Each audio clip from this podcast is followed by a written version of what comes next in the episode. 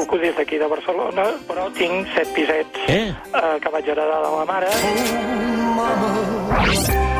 Eh, Set pisos? En el barri de Poble Sec, concretament. No, no puc opinar. Clar, set pisets, no sé si es considera petit propietari, però em sembla una petita gran fortuna, si m'ho deixes dir així. 61.500. Amb el... Jo tampoc eh, no considero, tampoc...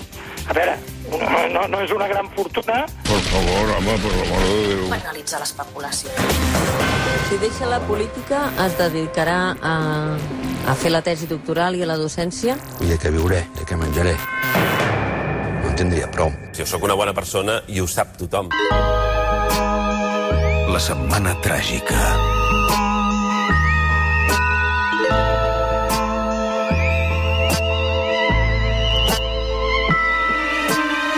A Londres, Toni Rodon, doctor europeu en Ciències Polítiques, investigador a la London School of Economics, professor de la UPF. Toni, bon dia. Bon dia i bona hora. Ion Sindreu, periodista, columnista al Wall Street Journal. Com estàs, Ion? Com anem? Bé, bé, aguantant. El què? Aguantant el què? No, la, la situació moral, espiritual, eh, d'estar a casa des d'octubre. Estic ja en aquell punt de que ja hem mirat tots els... Eh, hem, hem començat a mirar eh, programes de gossos a YouTube. Carai, home, això vol dir que esteu molt, molt, molt malament. Però escolta'm, de tant, en tant, de tant en tant sí que pots sortir de casa, perquè és que teniu més de 22 milions de britànics vacunats. Vull dir que precisament vosaltres esteu millor que ningú. Eh, Sí, però uh, bé, aquí encara hi ha confinament uh, d'entrada. Uh, i sí, a més a més, uh, és veritat, però compte perquè uh, hi ha una diferència força gran entre Londres, que va bastant enrere, i la resta del país, i a més a més uh, també hi ha el fet de que um, el, no, no necessàriament es nota tant no? l'expansió o el teu risc de contagi fins que no hi ha un percentatge més gran, sobretot de gent de la teva edat eh, vacunada, i encara de moment no, no és el cas. També mires vídeos de, de YouTube de gossos, Toni, tu? No, no, no, no. Jo, jo tinc al·lèrgia a tot el que sigui animals domèstics. Uh, jo jo l'única esperança meva és el 12 d'abril, escapa, que és quan obren les terrasses dels pubs i Ah. per fi podrem fer alguna cosa diferent a la que fem tots els dies, que és bàsicament treballar i mirar sèries. Mm -hmm, molt bé. Escolta'm, uh, vosaltres que sou al Regne Unit, avui que estem tants pendents aquí de, de les eleccions uh, del Barça, podem dir allò de el món ens mira, que ens agrada tant als catalans, o, o avui uh, més aviat eh, passem una mica desapercebuts? Bé, això la- l'Ensindreu, que és periodista, però a mi sempre m'ha donat la sensació, fins i tot en el seu apogeu de la frase el món ens mira, que el món no ens mira i quan ens mira se n'en riu. No sé si una mica aniria No. per aquí, Jon. A veure, hi va haver un moment en què el món se'ns mirava, que era al voltant de l'1 d'octubre. Llavors hi va haver un mes que, que realment hi havia una tensió eh, que jo només he vist en, en grans esdeveniments mundials en Catalunya, això és així. Uh, però va ser allò, un mes, en el moment en què es va començar a suspendre declaracions i fer coses així, tota la tensió del món doncs, va desaparèixer i no ha tornat. Avui a la Setmana Tràgica fem una mica més que una secció. A veure, Toni, tu des de la politologia, eh, m'agradaria començar preguntant-vos si realment això que passa avui eh, és excepcional. És a dir, que un club esportiu faci unes eleccions és estrany o no, des d'un punt de vista acadèmic. Eh, no sé si d'avui és, això d'avui és una mica una democràcia o no, perquè, clar, fa una estona al bord del Xavi Campos i, i la Sònia m'explicaven que per intentar ser president del Barça has de presentar un aval de 120 milions d'euros. Aleshores, no sé si és gaire democràtic, això. Clar, clar, però, però a- aquí hem de distingir la, la capacitat d'accés, és a dir, el que s'anomena el sufragi passiu, i després qui té dret a vot, no? Per exemple, eh, molt sovint hem parlat en aquesta secció que eh, les persones que es volen presentar com a candidats o candidates a les eleccions presidencials dels Estats Units també necessiten molts diners, no? I, i en certa manera ningú posa en dubte que és una democràcia eh, la- l'americana. Posarem en dubte si la qualitat és elevada o no, però això ja és un altre tema. Però ningú posa en dubte que és una democràcia. Per tant, a- en el cas de, del Futbol Club Barcelona, eh, aquí el que tenim és eh, un cas d'un club de futbol que té un model concret, que no és un model molt habitual, eh, no només a l'estat espanyol, sinó arreu del món.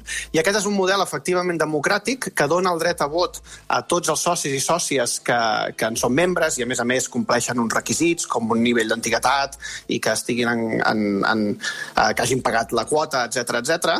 I normalment no és el model habitual, perquè en general eh, eh, els clubs de futbol a l'estat espanyol i arreu del món són governats doncs, com si fossin empreses i, per tant, hi ha propietaris que tenen una porció de, de l'empresa, unes accions, i això els dona uns drets a, a, a vot.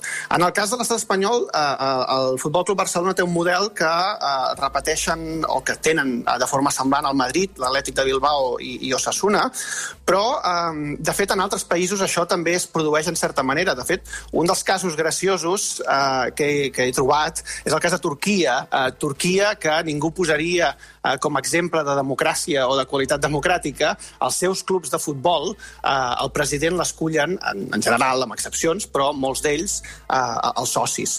I, de fet, eh, i, eh, un altre model democràtic molt habitual és el model que tenen a Alemanya.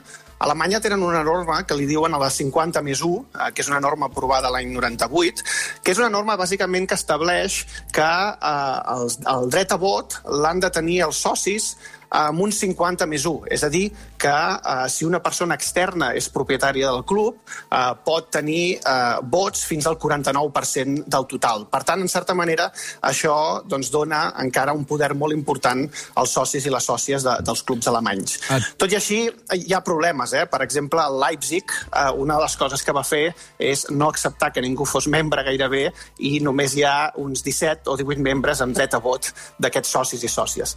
Per tant, eh, conclusió escapa, eh, és més aviat una excepció que no pas la norma general. A tu que t'agrada tant la demoscòpia, podem fer un retrat robot de la ideologia culer?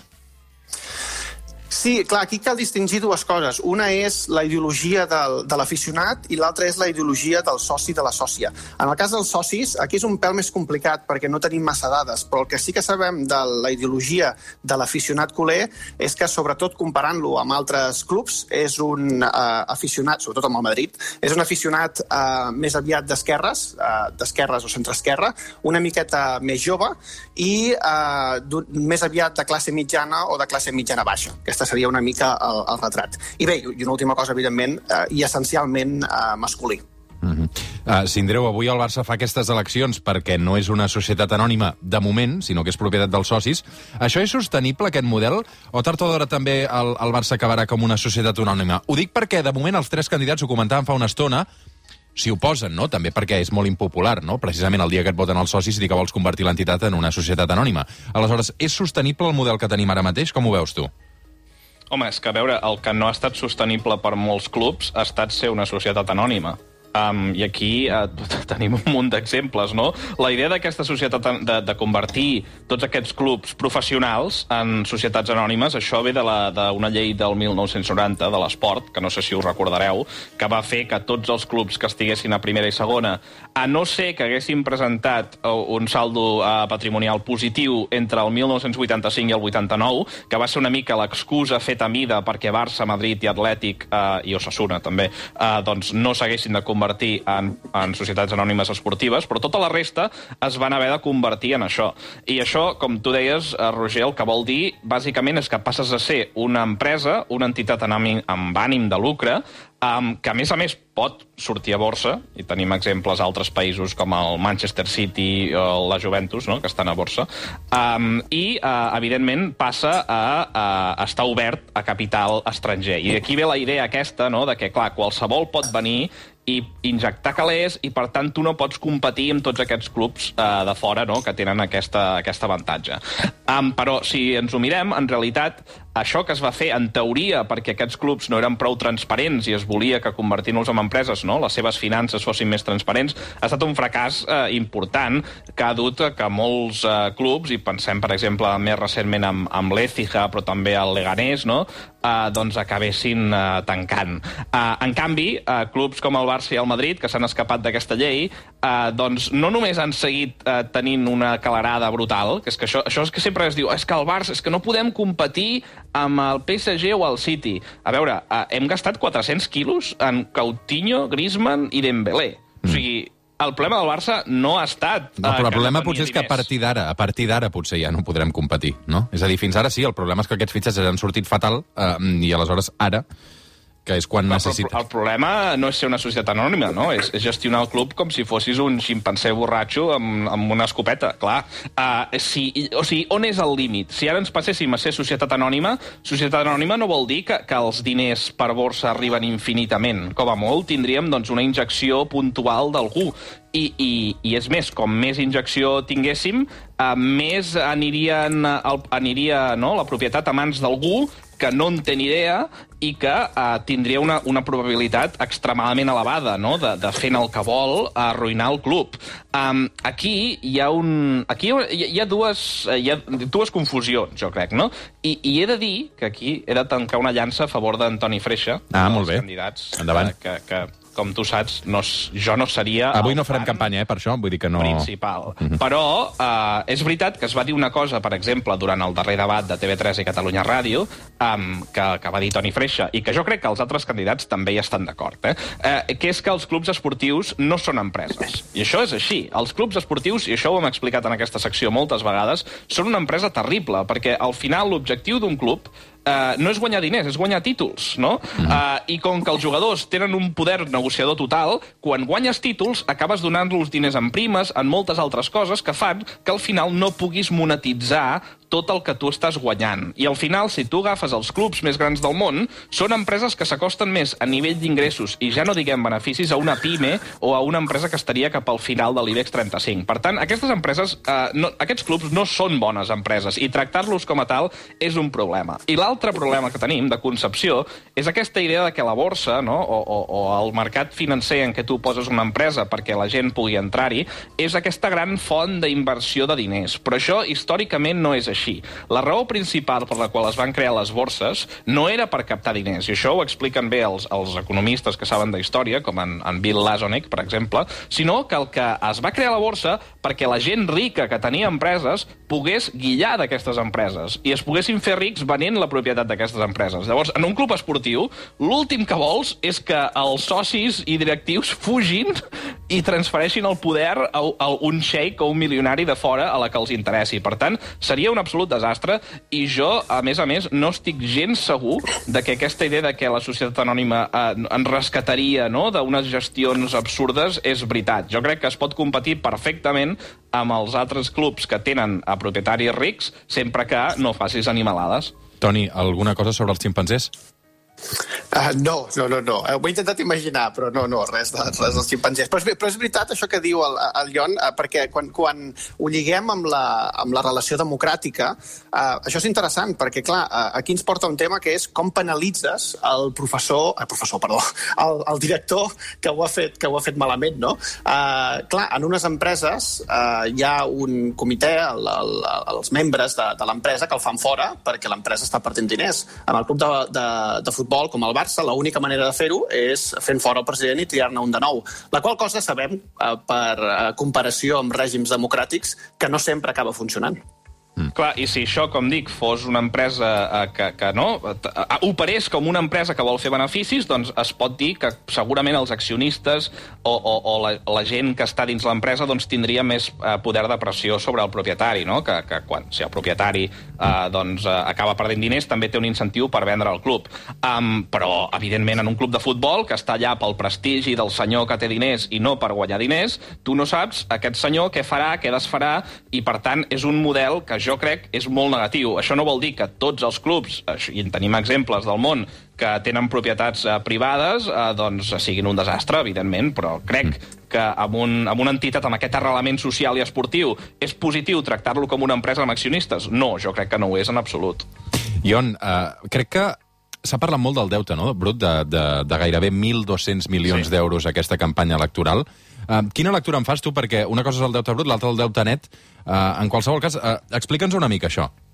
Sí, a veure, la diferència no, entre deute brut i net és que el deute brut és simplement el total del que tu deus, però això ho has d'una mica restar una empresa que té molt deute brut, po podria ser Google, per exemple, però Google també té uh, milers de milions al banc. Per tant, tu has de restar una mica el que tens en cash o, o, o amb un actiu uh, molt líquid de tot el que deus i això et dona una xifra que és el deute net. Llavors, si mirem el deute net del Barça, són uh, uns 490.000 uh, uns 490 milions. Um, clar, això...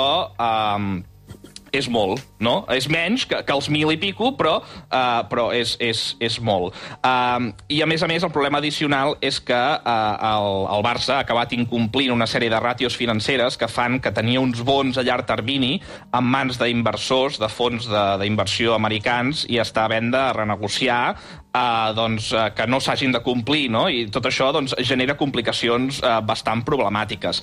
En realitat, el, el, el Barça econòmicament té dos problemes importants. El primer és uh, aquest de balanç que deies, no? És a dir, quan tu mires els deutes a curt termini, uh, s'han disparat, per exemple, de 12 a 269 milions en un any. Això, en gran part, és pel Covid. Um, però el que vol dir, bàsicament, és que uh, si tu agafes la tresoreria, només pots pagar dos terços d'aquest deute immediat. És a dir, aquest deute que, que, que vindrà doncs, ara, en els propers mesos. Uh, clar, Uh, això és un problema, no? Uh, perquè vol dir que, a més a més, amb la pandèmia continuant i tot això, doncs el Barça uh, necessita que algú li presti diners per poder tornar diners que deu. Um, és a dir, quan es diu això, no, de uh, s'emetran bons i tot això, tot això no és per arreglar el problema de fons del club, això és per guanyar temps. Uh, I això és problemàtic. És veritat que la majoria de clubs de futbol tenen el que se'n diuen en comptabilitat uh, fons de maniobra negatius, uh, que vol dir que si tu mires tot el que tenen a curt termini, no cobreix tot el que deuen a curt termini, però això uh, té més a veure amb el fet de que estan fitxant jugadors. Aquí parlem d'un problema més greu. Això realment, si tu agafes els diners que tenim i el que devem immediatament immediatament és que no podrem pagar. Per tant, això és un problema greu eh, ja d'entrada. I el segon problema greu que té el Barça és que eh, no genera prous beneficis fins i tot si descomptem el Covid. I això és un problema estructural que s'ha anat acumulant en els darrers anys. Um, si mirem la darrera memòria del Barça, que es va tancar el juny del 2020, el Barça uh, va perdre 97 milions, um, i això, tot i que la pandèmia només va afectar 3 d'aquests 12 mesos. Per tant, ara serà pitjor. Uh, el Madrid, per exemple, no ha tingut pèrdues o no, no les va tenir el juny del 2020. Segurament les tindrà en guany, però nosaltres amb 3 mesos de pandèmia en van tenir prou per perdre calés um, es calcula que l'impacte del Covid va ser d'un 20% del que s'hauria ingressat, mentre que del Madrid ha estat un 13%. Um, el problema d'aquí és que um, si no hi hagués hagut Covid, i això amb aquests càlculs que el Barça fa, és a dir, ha fet el propi club, i per tant podem esperar que són millors del que haurien estat en realitat, igualment hi hauria hagut molt poc benefici. Uh, el, la raó d'això, i això s'ha comentat molt, és que el 70% de les despeses són salaris. I alhora que el Barça ha anat guanyant menys, també ha anat pagant més i el 70% és una mica aquesta xifra, no? El, el rati de 70% de salaris sobre ingressos és la xifra que la Premier es diu que és una mica perillosa. Um, si mirem al Madrid, està més a prop del 50%. Per tant, això Uh, I això parlem malgrat les rebaixes salarials, els ERTOs i tot això. Per tant, això et demostra que el club és un, és, el Barça és un club que, tot i augmentar ingressos, no genera caixa. I, i això s'ha de, de corregir amb o sense Covid. I no té a veure amb les necessitats immediates, no? d'això d'hem de pagar els deutes i tal. Té a veure amb ser capaços doncs, o de restablir una estructura salarial que tingui més sentit o de fer uh, passos perquè quan generes més beneficis no se te'n vagi tot en, en despeses immediates. Deixem passar la pilota també al Rodon perquè diem molt que el Barça és més que un club. Eh, no sé si això és un eslògan o continua sent una realitat, i fins i tot, Toni, si les opcions ideològiques de cada un dels tres candidats reflecteixen una mica que és més que un club. Clar, um, això, això, això és complicat de dir, uh, perquè bàsicament aquí hi ha el problema que és que els aficionats del Futbol Club Barcelona atorgaran el, en el club aquests valors o aquests sentiments que el fan més que un club i, el, i aquells que no ho són uh, no, no, no serà així, no? Uh, en tot cas, sí que és veritat que si hom mira la història del Futbol Club Barcelona, uh, uh, sí que hi ha, a diferència de molts altres clubs, hi ha hagut un intent uh, doncs de desvincular-se dels valors i de, de, per dir d'alguna manera, de l'ètica majoritària de gran part dels clubs de, de la resta de l'estat espanyol, sobretot eh, vinculant-se mm, de forma clara doncs, amb una certa ideologia o amb una certa posició política, com és, com és en aquest cas el catalanisme. Um, cal dir que, uh, i, i això una mica per, per uh, trencar una punta de llança per aquells que, que diuen doncs no, és que això només són unes eleccions que no interessen a ningú, etc etc. Home, el Barça uh, pot ser seguit, menys seguit que en altres ocasions, però segons les enquestes veiem doncs, que uh, un, vora un 60% de la població catalana, uh, 6 de cada 10 persones, doncs, segueix uh, el Futbol Club Barcelona amb més o menys intensitat. I, per tant, pel que sabem pels estudis que s'han fet uh, en àmbits com la sociologia o la ciència política, els clubs de futbol, en el fons, actuen, en certa manera, com, uh, entre cometes, guies espirituals per molta gent. És a dir, que allò que fan bé eh, es reflecteix de forma positiva a nivell de valors o a nivell de comportament a la societat i al revés, allò que fan malament doncs, també s'acaba eh, situant eh, com a vegades un punt de referència eh, eh, per a molta gent que el segueix. Per exemple, per exemple eh, sabem per un estudi que s'ha fet molt recentment en el cas de, de Liverpool, un estudi fascinant que s'ha publicat aquest any eh, per quatre estudiants de, de doctorat eh, d'una universitat americana, de Stanford, que eh, quan el Liverpool va fitxar a Mo Salah, el que va provocar entre els fans del Liverpool és que eh, el seu, eh, diguéssim, odi eh, o, o les seves actituds negatives vers la religió musulmana disminuïssin de forma considerable. I això per què? Doncs precisament perquè, eh, com deia abans, els clubs de futbol, com que són seguits per molta gent i actuen com aquest focus, quan eh, són capaços de retransmetre uns certs valors, això té una externalitat positiva entre molts dels fans que, que els segueixen.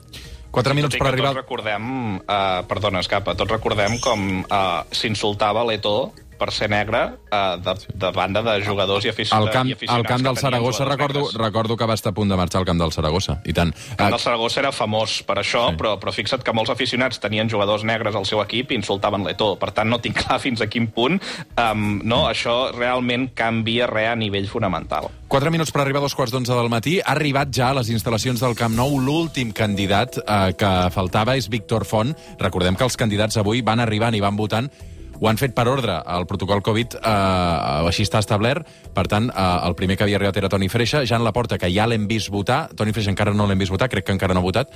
Eh, I, per tant, qui està arribant ara és Víctor Font, que també votarà a les properes hores. I d'aquí uns minuts també podrem saludar en directe eh, Jan Laporta, que ja ha votat i ens atendrà també els micròfons del, del suplement. Per anar tancant, perquè tinc també el John Carlin i el Jordi Puntí punt d'entrar també en aquest estudi, eh, molta gent avui ens diu també sou uns pesats amb el Barça, donem massa importància al futbol. Eh, des d'un punt de vista acadèmic, els podem rebatre d'alguna manera, Toni? A veure, eh, el, el Barça i el futbol eh, li interessa això que deia abans, el 60% de la població de Catalunya com a mínim. Per tant, eh, no estem parlant, diguéssim, d'una cosa que no interessi ningú, ni molt menys.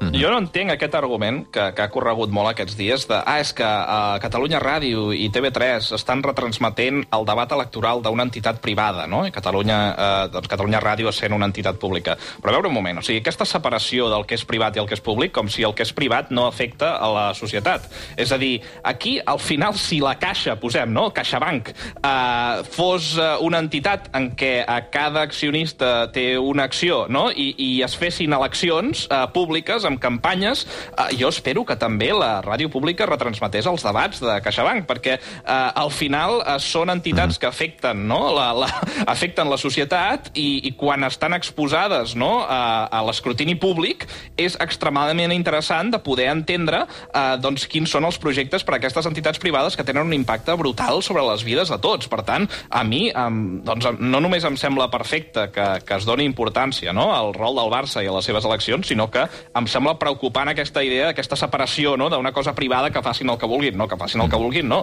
És, és d'interès per tothom i, i seria extremadament interessant que les grans empreses del país també passessin per aquest procediment i tots ho poguessin contemplar. Malauradament no és així. Ion Sindreu i Toni Rodon, un plaer, com sempre, com cada diumenge a la setmana tràgica. Avui la cosa va de futbol, eh, d'economia i de política, perquè al final eh, són tres mons que es toquen i se solapen. Eh, Cuideu-vos molt, una abraçada, gràcies. Vagi bé. Que vagi bé. De seguida una pausa, abans, però deixeu-me passar pel Camp Nou. Isaac Vilalta, endavant.